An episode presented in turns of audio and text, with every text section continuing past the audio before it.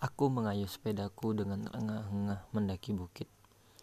Sudah berpuluh-puluh tahun aku menjadi tukang pos, pengantar surat yang tidak pernah mendapat surat. Namun baru kali inilah aku harus mengantarkan surat ke suatu tempat yang begitu jauh, seolah-olah berada di ujung dunia.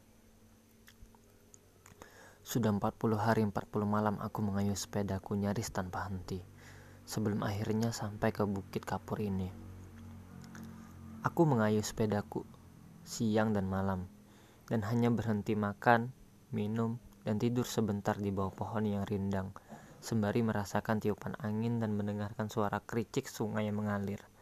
Ketika tergolek-golek di atas rumput, mengenakan keluar ketika tergolek-golek di atas rumput, mengenang mengenangkan keluarga yang sudah lama ditinggalkan.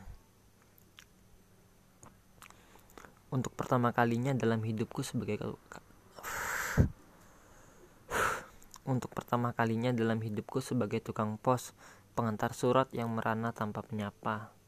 Aku harus melakukan perjalanan begitu panjang. Di bawah terik matahari dan sinar rembulan mengantarkan surat dengan alamat begitu ajaib.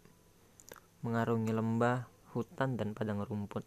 Sebelum akhirnya menyusuri pantai selama berhari-hari sampai tiba di kaki bukit. Heran, ada orang yang mau tinggal di bukit kapur ini, di mana angin panas dan kering bertiup membawa bubuk gamping.